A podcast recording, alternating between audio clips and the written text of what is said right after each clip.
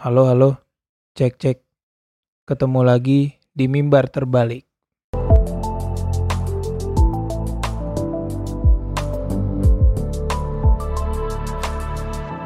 Yuk hari ini bakal bahas konflik dan eh, gereja ya, memaknai konflik dalam gereja.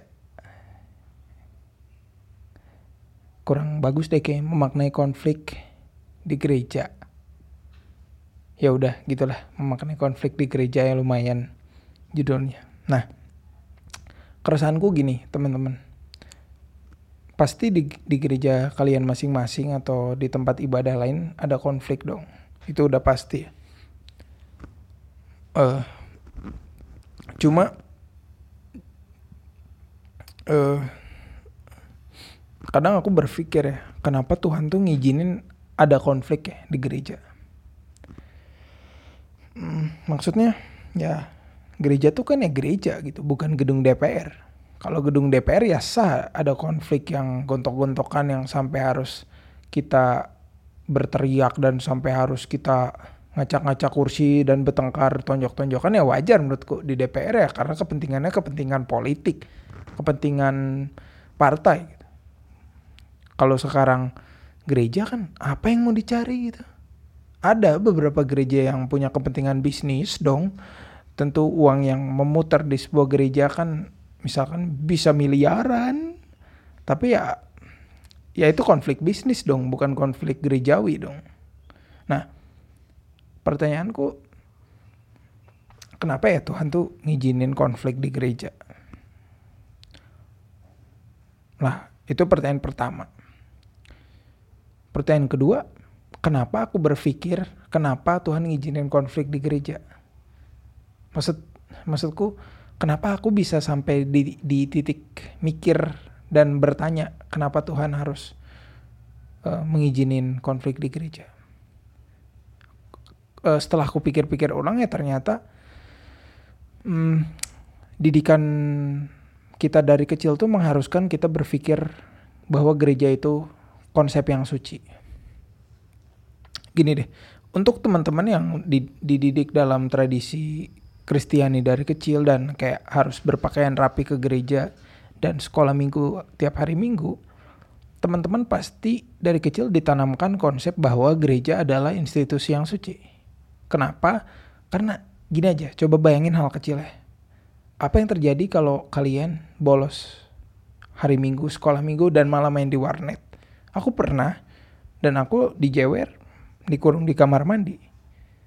Kamu harus berbakti di gereja. Kamu harus menghormati Tuhan. Ya gereja jadi, jadi di, di benakku otomatis gereja jadi setara dengan Tuhan dong.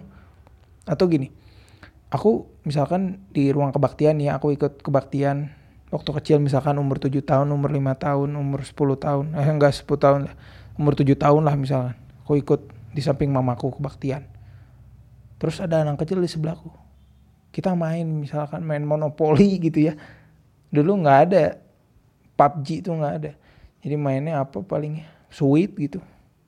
Misalkan main sweet atau dia bawa Nintendo kita main berdua di ruang kebaktian. Pasti dimarahin kita kamu nggak boleh kamu nggak boleh main uh, di gereja main di ruang kebaktian kamu harus menyucikan hari sabat gitu ah bla bla bla bla bla bla bla lah pokoknya nah itu secara nggak langsung konsep uh, pikiranku mindsetku tentang gereja ya ya ya ini tempat yang suci gitu kita nggak boleh ngelakuin main kita nggak boleh main game dan kita nggak boleh kabur gitu kita nggak boleh ngelecekin uang persembahan kita, kita nggak boleh naruh Alkitab kita sembarangan di gereja, kita harus berpakaian rapi kalau mau ke sana, bla bla bla bla semuanya tuh pokoknya di otak kita adalah konsep ideal. Semuanya di otak kita tuh nilai ideal tentang gereja. Nah mungkin itu kenapa kita atau aku khususnya uh, selalu uh, selalu punya pikiran kalau ya gereja tuh pasti konsepku ideal gitu ya gereja itu pasti isinya nilai ideal. Nah itu yang mungkin yang membuat kita selalu terhantui dengan gereja sebagai nilai ideal. Walaupun pada akhirnya kita kan tahu dalam sejarah dan dalam keseharian kita bahwa gereja itu ya institusi manusia juga. Gitu. Institusi yang gak lepas dari uh, politik, institusi yang nggak lepas dari konflik gitu. Nah itu menurutku dua keresahan utamaku ya, dua pertanyaan besarku tentang diskusi ini dan mungkin uh, jadi salah satu pertanyaan besar kalian juga. Nah lalu pertanyaan ketiga ini yang bikinku hmm, bikinku resah banget adalah kenapa banyak hal-hal gelap ya, tanda kutip hal-hal yang secara politik gelap, secara sosial gelap tuh terjadi di gereja gitu. Ya mungkin teman-teman bisa ngerti sendiri ya. Gosip, hoax, ujaran kebencian, konflik dua kubu, konflik tiga kubu, konflik kepentingan, konflik jabatan, atau bahkan kalau di banyak negara Kristen mayoritas ya konflik politik identitas, sebelum-sebelumnya pernah aku bahas silakan cek aja podcast sebelumnya. Atau dalam sejarah kita lihat konflik konflik-konflik yang lebih eskalasi konflik perang segala macam yang melibatkan gereja, melibatkan uh, institusi di dalam gereja juga gitu, melibatkan rohaniawan, melibatkan semua umat Kristen yang setia bergereja gitu. Itu pertanyaan besarku yang lebih serius ya, bahwa kenapa banyak terjadi paradoks di dalam gereja. Di satu gereja adalah uh, institusi teologis, gereja adalah bait Allah, tapi di satu sisi secara paradoks gereja juga adalah pembuat onar gitu. Gereja adalah pusat gosip, gereja adalah pusat uh, apa disintegrasi sosial, gereja adalah pusat permainan politik identitas kalau di dalam kasus politik uh, Kristen Protestan di berbagai negara gitu. Kita bisa lihat paradoks itu di dalam gereja. Nah, yang yang ku ingin refleksikan hari ini adalah bagaimana kita memaknai semua itu atau bagaimana secara khusus kita sebagai pemuda memaknai semua hal yang dark dan hal yang mengganggu pelayanan dan kehidupan rohani kita. Itu yang hari ini bakal ku pertanyakan dan mungkin bisa jadi pertanyaan personal kalian juga nih untuk direnungkan. Aku tapi uh, bisa mendapat satu jawaban yang lumayan cukup melegakan dari Matthew Henry. Matthew Henry ini seorang teolog, seorang penafsir Alkitab terkenal dan dia menulis salah satu buku dan salah satu ulasan bagaimana membahas uh, de, uh, tafsir dia tentang uh, kisah para rasul. Uh, Matthew Henry ini banyak sekali tafsirannya, teman-teman bisa baca sendiri buku-bukunya dan kalau males di internet juga udah banyak sih tafsiran Matthew Henry itu. Nah, kalau teman-teman baca kisah para rasul 15, teman-teman akan menemukan satu perikop yang unik yang membahas perselisihan antara Paulus dan Barnabas. Menurutku ini titik penting ya karena di dalam Alkitab sendiri pun uh, ada paradoks itu ya. Alkitab kan kita tahu kebenaran mutlak segala macam, tapi banyak hal uh, yang manusiawi juga, yang hal-hal yang dalam tanda kutip cacat di dalamnya. Bahwa Alkitab itu uh, mengungkapkan kejujuran. Sama seperti yang ingin ku sampaikan hari ini, sama seperti yang ingin ku selalu upayakan dalam podcast-podcastan uh, gak bermutu ini. Bagaimana mengungkapkan kejujuran itu. Alkitab selalu mengungkapkan walaupun Alkitab buku yang dipercaya ol, uh, sebagai kebenaran mutlak, tapi Alkitab juga menulis tuh bahwa Paulus sendiri pernah berselisih paham secara tajam. Paulus pernah berpisah, pernah konflik besar dengan Barnabas gitu. Alkitab gak nyembunyiin itu. Nah, yang menarik uh, tak adalah komentar Matthew Henry tentang konflik itu. Kalau teman-teman pengen baca sendiri konfliknya gimana Paulus ribut ya baca sendiri di kisah para 15. Aku nggak pengen bahas panjang-panjang tentang itu. Bukan pendeta soalnya. Nah, uh, Pak Matthew Henry bilang gini. Justru aneh kata dia, aneh bahwa penderitaan para rasul dan perselisihan para rasul itu telah menyebabkan kemajuan bagi Injil Kristus. Matthew Henry menafsirkan bahwa konflik malah bikin gereja maju. Itu kata-kata dia, tesisnya dia, pendapatnya dia. Nah, selanjutnya ap, apa indikatornya ya? Apa apa standarnya Matthew Henry ngomong kayak gitu? Dia menguraikan dua poin. Yang pertama karena konflik yang terjadi di uh, dalam Paulus dan Barnabas itu menghasilkan pintu dan ladang yang baru. Gara-gara mereka berantem, Barnabas berlayar ke Siprus dan mengabarkan Injil di sana dan Paulus berlayar ke Kilikia dan mengabarkan Injil di sana. Mereka berpisah dan akhirnya lebih banyak tempat, lebih banyak daerah, lebih banyak orang yang dimenangkan. Lebih banyak orang yang akhirnya bisa uh, bisa mengenal Injil, gitu. bisa mengenal kebenaran. Itu kata Matthew Henry. Itu poin pertama. Ada tempat yang lebih banyak. Poin kedua adalah lebih banyak lagi pelayan dan pekerja. Lebih banyak lagi pengabar Injil karena konflik itu. Jadi sebelum konflik Paulus dan Barnabas tuh ke mana-mana pasti berduaan.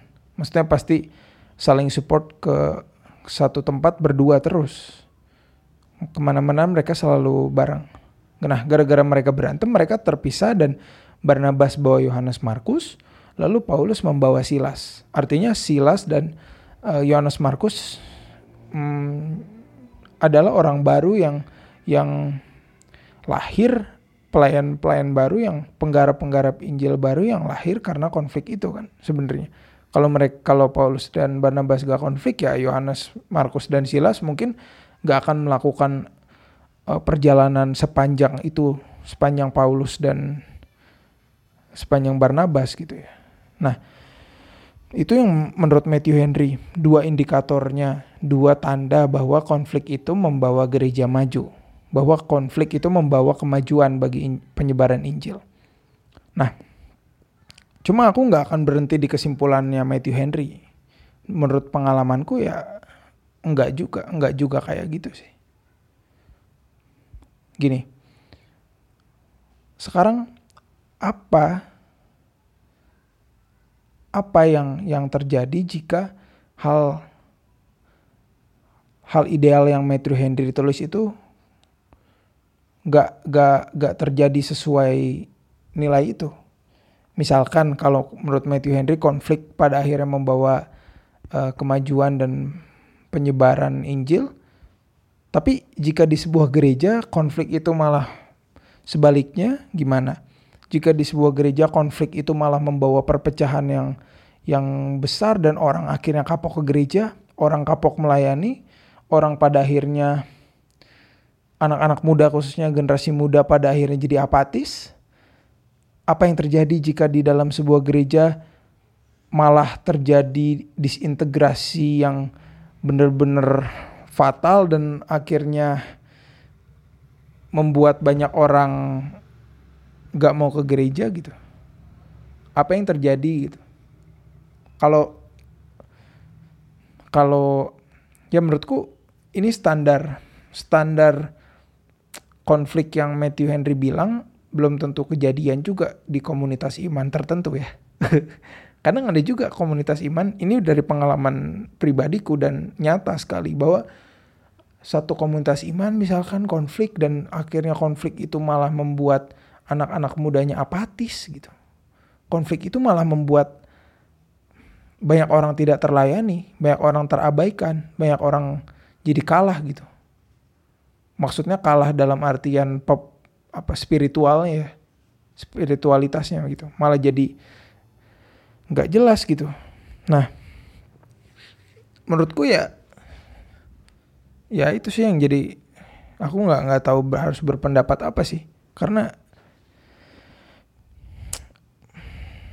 ya itu. Karena ya gak selamanya konflik di dalam gereja itu menghasilkan hal yang positif. Terutama misalkan ladang pelayanan baru dan pekerja-pekerja baru.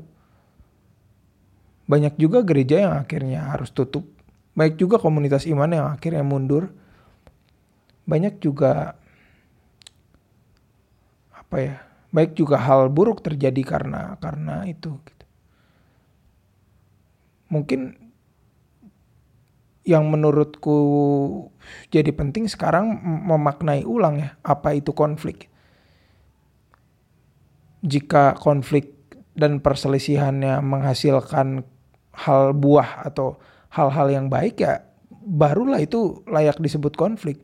Tapi jika konflik itu malah menghasilkan keterpurukan dari generasi muda, malah menghasilkan kehancuran gereja, malah menghasilkan uh, kemunduran, itu yang nggak menurutku nggak layak, nggak bisa disebut konflik gitu. Itu ya sampah aja gitu loh. harus dibuang aja dan harus disingkirkan aja gitu. Jadi ya menurutku ya itu sih kesimpulannya ini emang podcast yang podcast podcastan nggak bermutu ya. Jadi jadi ya ya udah sih menurutku ya udah gitu. Ada yang bisa kita sebut sebagai konflik secara alkitabiah ya. Wes konflik yang menurut Matthew Henry sesuai dengan semestinya ya sesuai dengan apa yang terjadi di dalam Alkitab ya sesuai standar Alkitab sesuai apa yang Paulus dan Barnabas contohkan ya konflik yang konstruktif tapi ada juga konflik sampah nih gitu yang kita nggak nggak harus nanggepin itu secara rohani dan ya udah kita harus buang aja itu konflik gitu karena ya sama sekali nggak ber, bermutu dan berguna untuk kehidupan rohani kita gitu. Malah bahkan merusak kita. Itu yang yang kurasakan sih beberapa tahun terakhir. Bahwa konflik itu pada akhirnya yang nggak membuat komunitas iman itu maju malah makin terpuruk. Itu mungkin ini jadi renungan ya. Atau uh, poin opsi keduanya bahkan aku belum ngelihat kemajuan itu ya. Mungkin opsi keduanya ad, ada di perspektifku yang terlalu pesimistik melihat sisi uh, kemajuan dari konflik itu. Tapi ya kalau secara jujur sampai saat ini aku belum bisa melihat hal positif terjadi karena konflik rohani khususnya di komunitasku ya. Nah ini jadi personal dan jadi curhat daripada berkepanjangan dan jadi masalah, mari kita tutup saja. Sekian ya. Wassalamualaikum warahmatullahi wabarakatuh.